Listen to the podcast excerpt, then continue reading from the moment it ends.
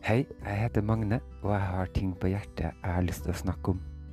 Velkommen til Formiddagsprat med Magne.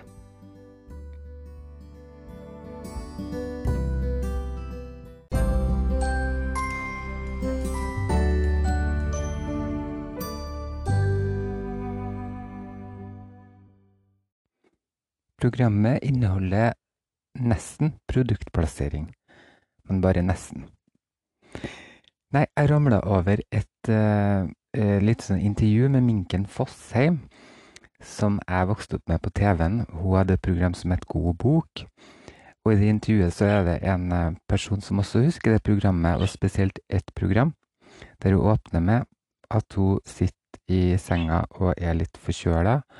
Og så spiser hun et grønt eple og drikker melk. Og så blander jeg det her sammen i munnen, og så sier jeg at det, det er så deilig og, og spise det grønne eplet og drikke melk, og det blir en sånn fløteaktig smak av det, da. Og jeg blir jo solgt med en gang, så jeg springer jo og skaffer meg et grønt eple og helmelk for å teste det her, da. Og nå er det blitt en av mine sånne Hva skal vi kalle det? Ja, jeg vet ikke, men det er i hvert fall på lista over ting som kan eh, spises, da. Og det er jo morsomt med det her kombinasjonene av mat som du ikke kanskje forventer helt. Jeg husker at det var noen som lærte meg å spise paprika oppå brunost på brødskiva, f.eks. Det ble jeg ikke like sånn hekta på, men det var interessant, det òg. Men akkurat det her grønne eplet og den melka, det likte jeg, altså. Jeg syntes det var deilig. Og det var en slags øvelse i å, å bruke sansene. Og det er så deilig når du liksom fordyper deg litt i, i sansene dine, da, og bare setter deg ned og ja, spiser det her grønne eplet, f.eks., og drikker den melka, så kjenner du etter. Er sånn, det er mindfulness, ikke sant? Uh, uten at du tenker at det er det, men det blir jo det, da. Og um, uh, Ja, og jeg elsker når jeg finner ting som begeistrer meg og som gjør meg interessert og um, ser eller føler eller smaker ting på en ny måte. Sånn at jeg blir mer sånn mindful. Og kommer litt ut av det her hverdagsføleriet, uh, eller hva man skal kalle det. da. Der man tenker på, på det som er foran seg. Uh, bare der og da. Men det, det kan jo også være en Hva skal jeg si Form for mindfulness. Men uh, men jeg føler at jeg svirrer veldig fort fra det ene til det andre, føler jeg. Men ja, det var kanskje greit, det var. Forresten, apropos eple og melk, så fant jeg ut at det er en uh, fransk uh, klesmerke, tror jeg det er, som heter Eple and Melk. Det syns jeg var litt sånn snodig. Spesielt navn. Hvordan uttaler man det? Eller det høres jo veldig lite fransk ut. Eple and Melk. Mm, Paris. Og her er det altså uh, dameklær, ser det ut som. Hm, ja. Forleden dag så var jeg på besøk til en uh, kunstner, en maler. det det seg at vi har gått på samme videregående skole og hadde litt de samme lærerne. Og og, sånn der. Så det var, det var spennende, vi mimra litt om, om, om de og, og sånn. Og så Jeg var der fordi at jeg skulle stå modell for han. Han tok bilder av meg, og jeg var Jeg sminka meg da, i drag. Uh, hadde på meg en svart pels og bar overkropp, og så sminka jeg meg ganske dramatisk. Uh, men det ble ganske flott. Jeg syns jeg minner meg sjøl om en blanding av Donatella Versace og Madonna fra Take a Bow-videoen. Uh, det er ikke verst, tenker jeg. Og det var så deilig med den der begeistringa fra hans side òg, at han At han ga meg komplimenter og Eh, og spesielt det når han sto og tok bilder av meg, hvor interessert han var, eller hvordan han liksom flytta blikket mitt, eller fikk meg til å se hit og dit. Og, og ja, hvor begeistra han var, da. Og, og hvordan han fordypa seg i uttrykkene mine etterpå. Eh, når vi kikka over bildene og sånn, så sa han eh, ting som Å, nå ser det ut som du tenker på store filosofiske spørsmål. Eller der ser du fløtende ut, men litt utilnærmelig, eller altså Forskjellige eh, følelser og tanker han la inn i de uttrykkene da, som han fikk eh, ut fra, fra de bildene vi tok.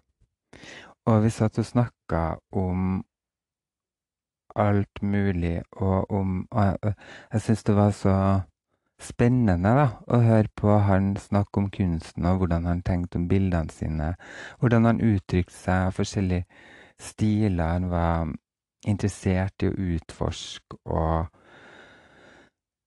Ja, rett og slett bare snakke litt om, om uh, kunsten, da. Og um, forskjellige uttrykksformer og um, sånne ting og hva hvem man kan bli inspirert av. Og det eh, viser seg jo det er jo et eh, eh, Hva skal man si Et hav ut der av eh, ulike, men spennende mennesker da, som fins og har gjort veldig interessante og, og spennende ting. Og, da tenker jeg noen ganger Og så kan jeg finne på å sitte og kjede meg når jeg har f.eks. Internett, og det er så mye der. Men det går jo uh, går tydeligvis an, det. Um, men det å møte et menneske som er så begeistra og interessert i, i, noen ting som jeg ikke klarer å finne begeistring alene i, kanskje, da. Men jeg får det gjennom annen, et annet menneske. Eh, det er vel det som kalles symbiose, kanskje. Tror jeg. Når to møtes, og så blir det uh, noe eget ut av det møtet. Uh, det syns jeg er interessant, og det her symbiosene skjer jo stadig vekk med meg og andre mennesker, om de er på avstand eller om de er i nærheten, uh, vil jeg si. Så um, derfor så elsker jeg også å gå rundt og høre på podkaster og intervjuer med, med folk da, der de sier forskjellige ting som de tenker på, som de syns er interessant, og hva de uh, styrer med. da. Så I dag så hørte jeg på Benedicte Adrian, f.eks., og hun holdt på med noen øvelser der hun skulle ta en ting eller et ord og sette på klokka, og så bare skulle jeg skrive f.eks. i ti minutter. Og bare skrive alt som, som faller inn. Så tenkte jeg at den øvelsen ville jeg gjøre Uh, gjør da. Så da gjorde jeg det. Ble inspirert. Uh, satt på klokka på ti minutter. Og så begynte jeg bare å skrive. Og da skal dere høre uh, hva som kom ut av det.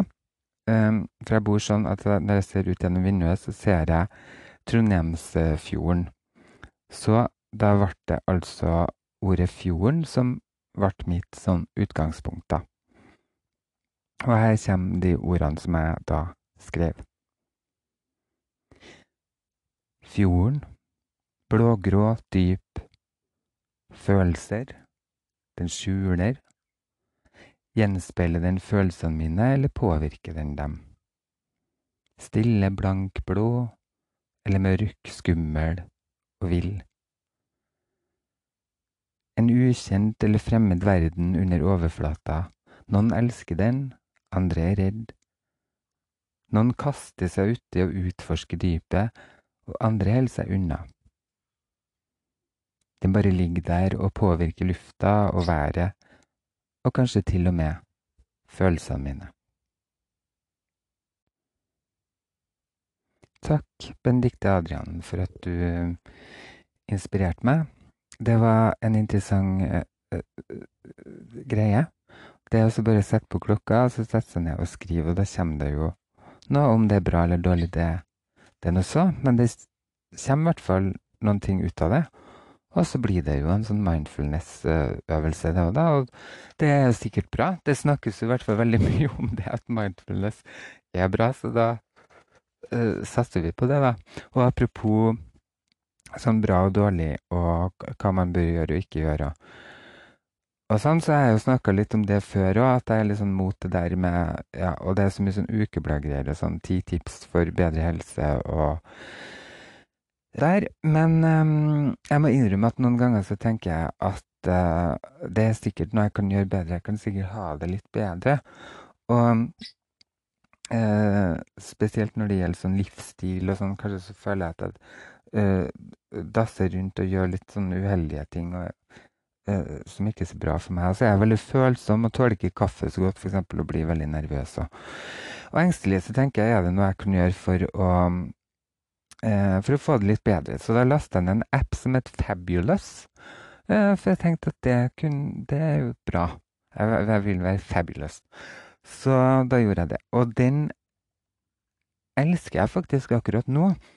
Eh, for eh, ja, den er sånn, da. Den, de sier det at de har forska på hvordan man kan gjøre livsstilsendringer og sånn, f.eks. Uh, hvordan man bør gjøre det, og, og um, hvordan vi fungerer, vi menneskene og sånn. Så, så, det den gjorde da først, det var at den sa til meg at jeg skulle drikke et glass vann om morgenen. Og så tenkte jeg å ja, ja ja. Åh, nå begynner vi igjen med det der. Vann er bra. Drikk mer vann. Ja ja. Men Eh, men så tenkte jeg samtidig ja, men det er jo fint. Eh, for da står jeg opp om morgenen, og det første jeg gjør, er på en måte å tilføre fuktighet da, på en måte til legemet. Og det, det, må jo være greit, det. Men så var det en sånn liksom deilig sånn rensende følelse å bare gjøre det ritualet, da. Før jeg starta på sigarettene og kaffen, sånn som jeg pleier. Eh, så da drakk jeg et glass vann i, i, tre dager. Da har jeg gjort den oppgaven, og da kom det en ny, som var å spise frokost. Og da ble jeg også litt sånn åh, litt, kjent på litt motstand. For jeg er ikke så glad i å spise det frokost. Jeg hopper ofte over den, og så drikker jeg cola og caffè latte i stedet. Og så venter jeg med å spise ordentlig til det blir lunsj eller noe sånt. Eh, og spiser mye middag i stedet på kvelden og sånn. Men i hvert fall så tenkte jeg ja, nei, men det, det gjør vi. Det er et prosjekt, det er spennende. Og når jeg har fått unna det, det glasset med vann, så ble det også litt mer sånn interessant, da, å spise frokost. Og jeg satte meg liksom ned og tok meg tida til det og kosa meg og, og sånn. Så da ble det også et rituale. Og jeg gjorde det i tre dager, så fortsatte jeg med det her vannet og frokost og liksom holdt på å etablere det da, som en vane. Og nå så sier den at jeg skal uh, At jeg skal Ja, så var det trening også. Men det den uh, tenkte jeg det gjør jeg allerede, fordi at jeg går så innmari mye. Jeg går en times tid til, uh, til jobb, og så en time fra jobb, da. Nesten daglig. Og uansett så går jeg jeg går også med fri stort sett hvis jeg ikke har en hviledag, da. Men jeg tenker det må jeg jo ha. Eh, så ja, da var det liksom trening, da. Og poenget var at du ikke skal gape over for mye og, og eh, Ja, for da kan du miste motivasjon, da.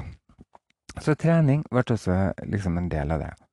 Så glass med vann, frokost og, og trening. Check, da har jeg gjort det. Og så eh, skal jeg feire det eller være glad eh, for at jeg gjennomfører det her. Um, ja, og det der likte jeg. Jeg syns det var gøy, det der. For det var så enkelt og lett å gjennomføre, så kjenner jeg at det gir meg litt ekstra energi. Det er jo bare greit for meg å, å spise frokost, og spesielt når jeg går så mye, så, så må jeg ha litt å gå på. Men tilbake til det der trikset med å sette på klokka. Det har jeg også brukt i flere sammenhenger nå. Uh, for eksempel så er jeg ikke noe glad i å rydde, men jeg kan uh, sette på klokka noen gang. På om det så er ti minutter, eller om det er en time eller to. Og så uh, bestemmer jeg for å rydde, skjer, jeg må innrømme det skjer ikke så ofte, men det har skjedd. Og eh, i andre sammenhenger der jeg skal eh, f.eks. lage podkast og lese Bibelen. Det er ganske tungt å sette seg ned og lese Bibelen, så jeg setter på stoppeklokka eh, og, eller setter klokka da, på en time og sier at nå skal du bare sitte og lese denne timen. Og inni den timen så er det litt smerte, og det er litt tungt, men så kan jeg se på klokka at ok, nå, nå er det tre kvarter igjen. Så la oss se hvordan det går da når jeg har gått et kvarter til. Oi, ja, jeg kom meg jo gjennom bare én side, men hvis jeg holder på et kvarter til, så blir det i hvert fall en side til. Uh, ikke sant. Og så, så det var verdifullt for meg. Den der klokketeknikken, den likte jeg. Men jeg må si at jeg er sikker på at det ikke det er ikke alle som har eh, behov for det. Noen er jo veldig sånn aktiv og naturlig bare gjør de her tingene av seg sjøl. Mens det er fort sånn at jeg kan sette meg ned, og så bare blir jeg i mine følelsers eh, vold, eller hva man skal si. da, At jeg kan bare sitte og kjenne på på følelsene mine. Det høres så rart ut, da. Men uh, det kan jeg faktisk. Og så kan jeg bare forsvinne litt inn i det. Eller at jeg bare må sitte og se på Netflix eller et eller annet for å, for å ha noe slags stimuli. Og noen ganger så er det eh, flott, det, altså. Fint. Men det er deilig å få, ting, få, få gjort litt ting òg, da. Så for meg så var det helt nydelig, det der med eh, å bruke den klokka, altså. Og jeg elsker ting som inspirerer meg, og jeg prøver å lage sånn lister uh, rundt omkring da over, over, ting som jeg ramler over, som jeg har lyst til å utforske eller finne litt ut av. Noen ganger så uh, Veldig ofte så fordyper jeg meg ikke så mye i det, da, men jeg må liksom google litt eller Eh, ja, lære meg litt om det. Og da hørte jeg også på um, godeste Toppen Beck en gang som snakka om barnebarna sine. og hun, uh, hun elska å være sammen med de og, og følte at det var så mye hun måtte lære dem. Og der ramsa jeg opp forskjellige ting, blant annet uh, biblioteket i Alexandria. Og så tenkte jeg sånn Jøss, det var jo en pussig ting som du har lyst til å snakke om til, til barnebarna dine, så jeg måtte google, google det, da. Uh, og jeg forstår jo ikke helt sånn Jeg, jeg blir så nysgjerrig på hva, hva hun mente med det, eller hva slags informasjon hun ville formidle til de barnebarna om det her biblioteket i Alexandria, som da skal ha vært det største biblioteket i antikken, sies det da. Og det her var jo før Jesus ble født, uh, uh, tror jeg. Ja. Og sånn stor boksamling, og det var masse, masse um, kunnskap uh, inni der, da. Og det ble vel brukt til flere ting òg, det biblioteket, laboratorium og eh, ulike ting. Salonger der man filosoferte og eh, og sånn.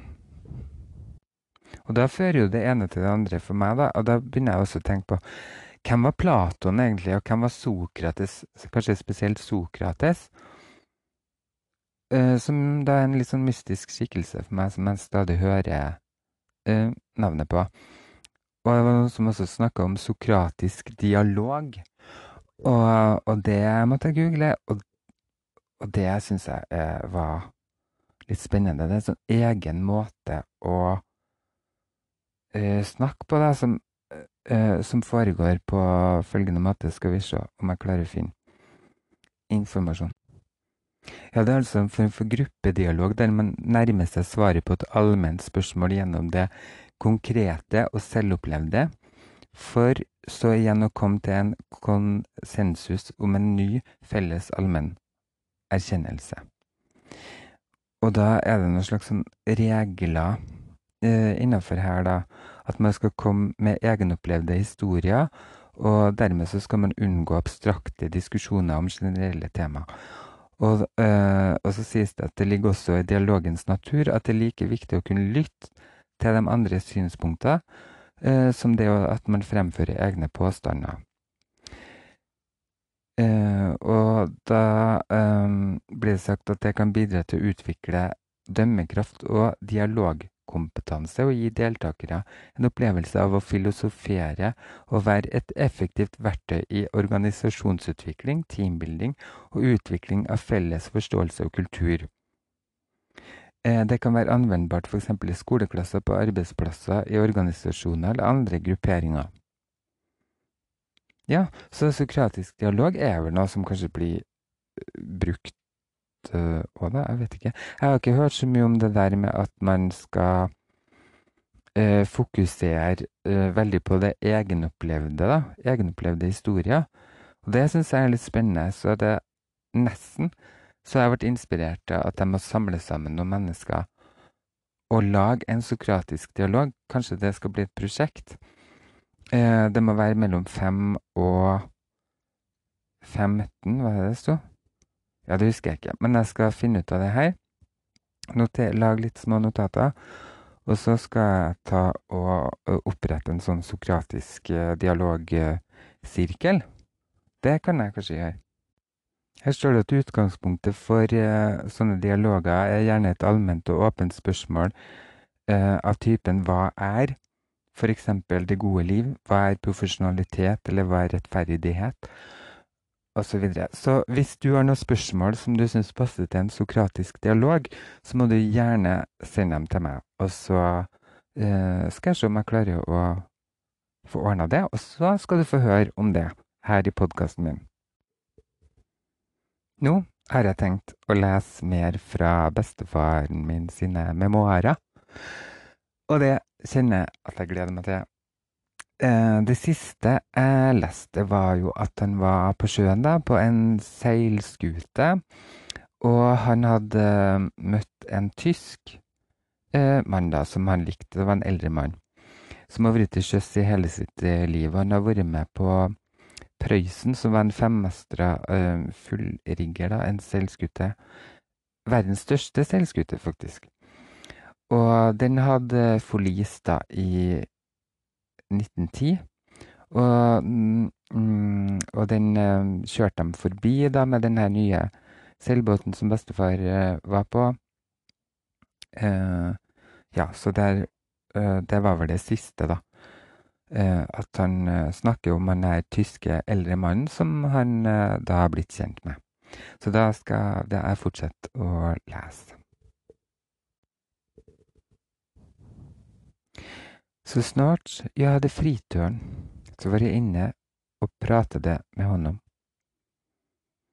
En natt var jeg inne hos honom, lå han og leste ved et ljus med ventilen øppen. Da kom der en flygfisk inn gjennom ventilen og ble liggende på dekket.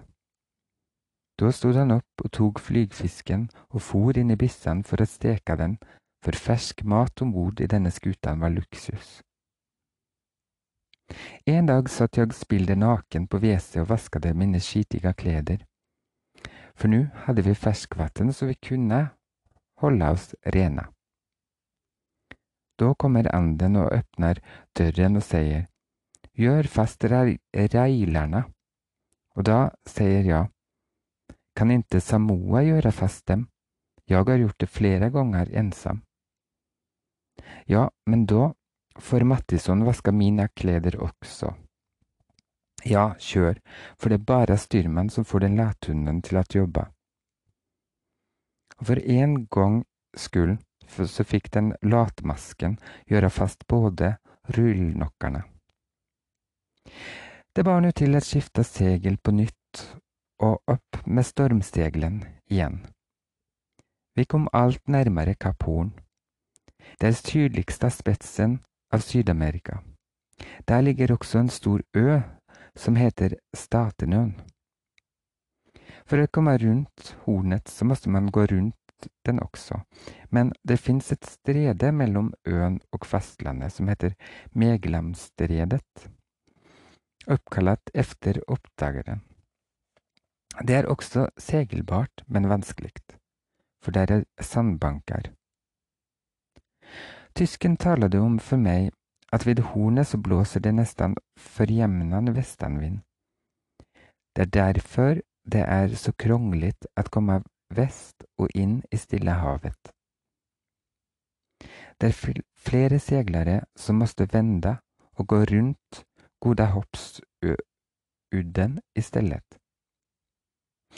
Vi nærmer oss nu hornet. Det ser vi på fåglarna som følger oss. De er så like en duva, og derfor så kalles de også for kappduer. Det er visst smått om mat for dem, for de sitter på lukken til kokken og titter på honom. Vi börjar nu få se en og annen albatross. Det er snøhvite fåglar, lika store som en havsørn. De finns ingen annanstans eller ved Kapp Horn. Det går inte transportera dem til zoologiska havet, for de dør når de passerer ekvatoren. Det er nog halv storm da vi får se Statenøen. Vi skal gå til 52 grader syd, kanskje enda lenger om vi blir nødda til å krysse.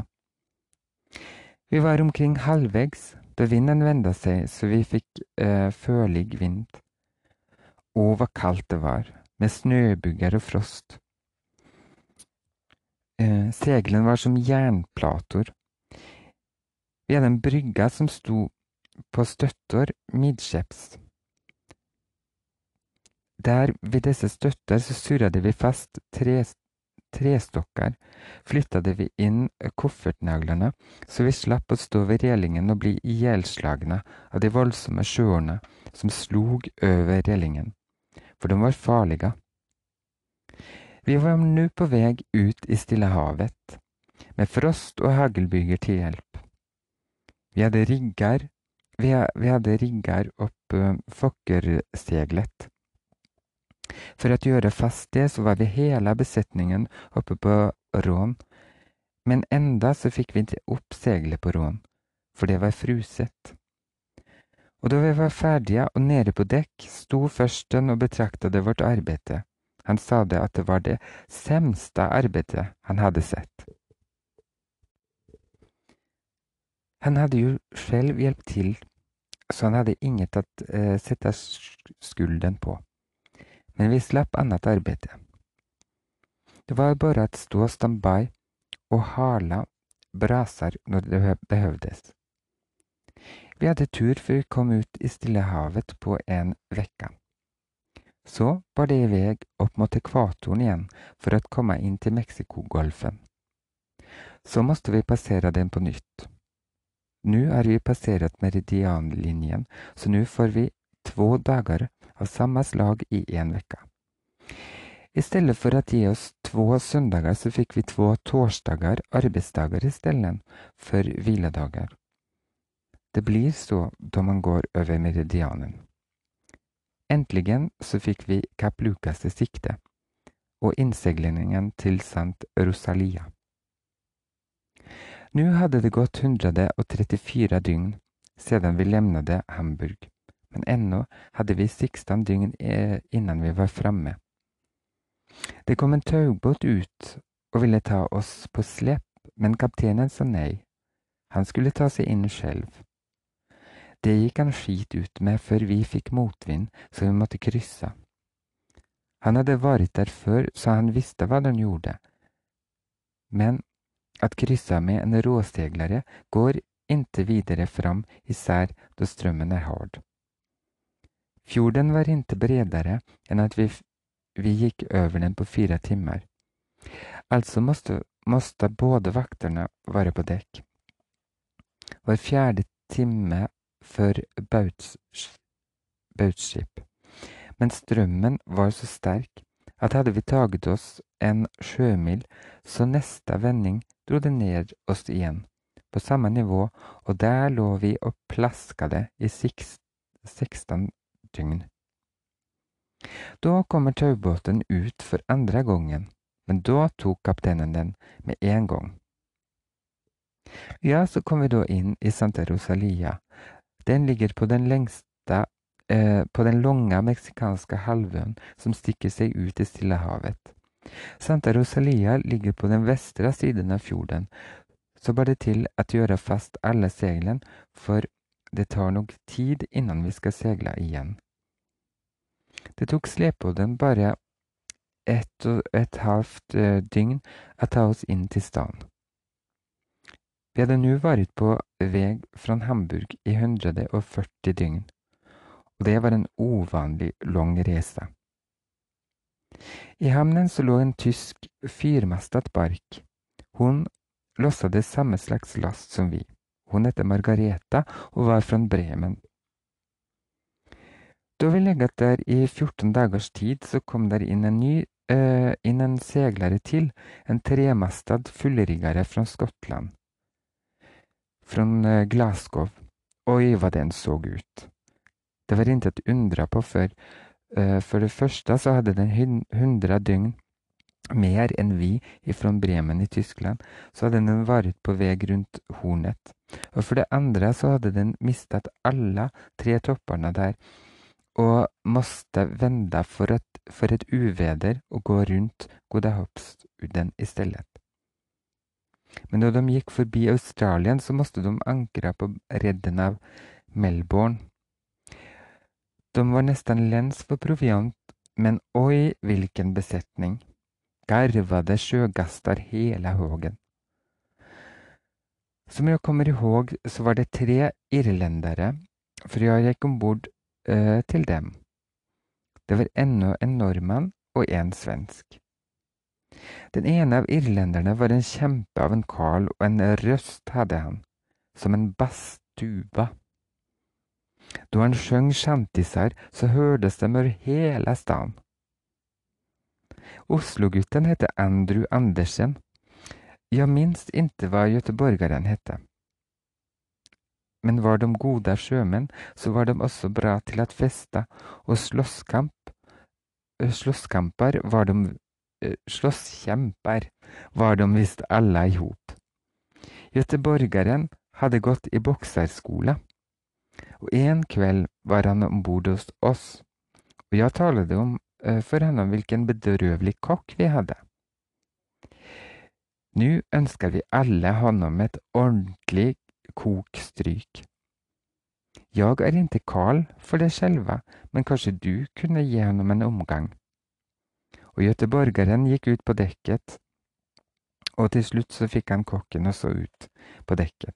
Kokken var en kraftig karl, eh, og til en børjan så varierte han seg bra, men göteborgeren var boksere, og til slutt så fikk han en masse juling eh, och som vi alle ønsket honom, vakre, blå ögon.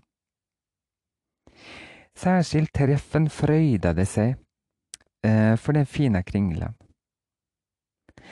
Jag og Andrew eh, höll ihop. Vi tykte ikke om å sitte på en bar, meksikanerne var bare kjeltringer eh, som forsøkte å lure sjøfolk med all slags mikkemang. Vi kjøpte oss en flaske meksikansk brennevin, og sedan så gikk vi ned til sjøen og lå og filosoferte og så på insektene. Så bør jeg det Treffen tenke på å Rymme. Han og en dansk kom til meg og ville ha meg med. Neste lørdagskveld så skulle vi stikke.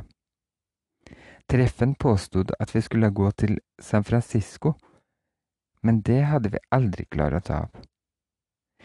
Vi hadde med oss en vattensekk, men den var tom på tredje dagen, og, fanns, og det fanns ikke vann på fjellet, så vi måtte gå tilbake til Rosalia. Vi gikk ikke inn til staden, uh, for treffen som alltid måtte holde seg framme, slo seg i prat med en indian, og så fikk vi stande i legeret tils videre. Men så ble vi uten tobakk, og da ville jeg at en av oss skulle gå inn til staden. Det ville ikke treff, for skal en av oss bli tagen av polisen, så skal vi alle bli tagne. Så vi gikk inn til staden og inn i en tobakksaffær, men vi var ikke vel innkomne før det kom inn to poliser og tok oss.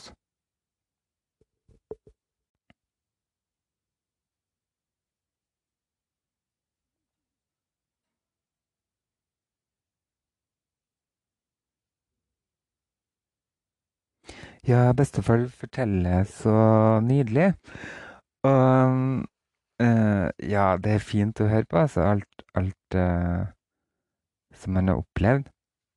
Um, jeg kjenner at det nesten så jeg liksom kommer i forbindelse med, med uh, Ja, ikke bare han, da, men altså um, type folk at, at folk som jeg kanskje har litt sånn fordommer mot, og som blir mer interessant og spennende for meg, da. Forleden dag så møtte jeg ei jente som var kjøpt uh, sminke til meg. Uh, og jeg kom i snakk med henne, og det viste seg at hun var på sjøen. Hun var styrmann, tror jeg. Og da ble jeg jo med en gang sånn Oi, så spennende! For min bestefar har jo også vært på sjøen. Han har også vært uh, styrmann og forskjellige ting. Og så begynte vi å snakke om de forskjellige rollene på båten. Um, uh, matros og lettmatros og hva det er. Alt det her, da. Og hvordan miljøet på båtene er også i dag, da. Hvordan du opplever de her menneskene. Og sa at uh, stort sett så er det jo uh, voksne, snille menn som bare lengter kanskje hjem etter barna sine og og sånne ting, og slå litt hull på sånne fordommer som jeg har om at det bare er røft og tøft og, og, og machokultur på, mm, på en måte. Så takk til bestefar og til alle andre som stadig vekk inspirerer meg. Uh, nå skal jeg åpne armene for livet og ut i stormen og blesten, men før, før, det da, så skal jeg finne fram et grønt eple og et glass med melk. Så må jeg bare takke deg som hører på meg, for uh, for følget. Og um, i mellomtida så kan du sette og uh, glede deg til um, neste Herregud-episode, for nå skal jeg uh, sette meg ned og um, nilese i Bibelen. Sånn at du får en ny og frisk episode av Herregud som du kan kose deg med. Takk for følget. Ha det.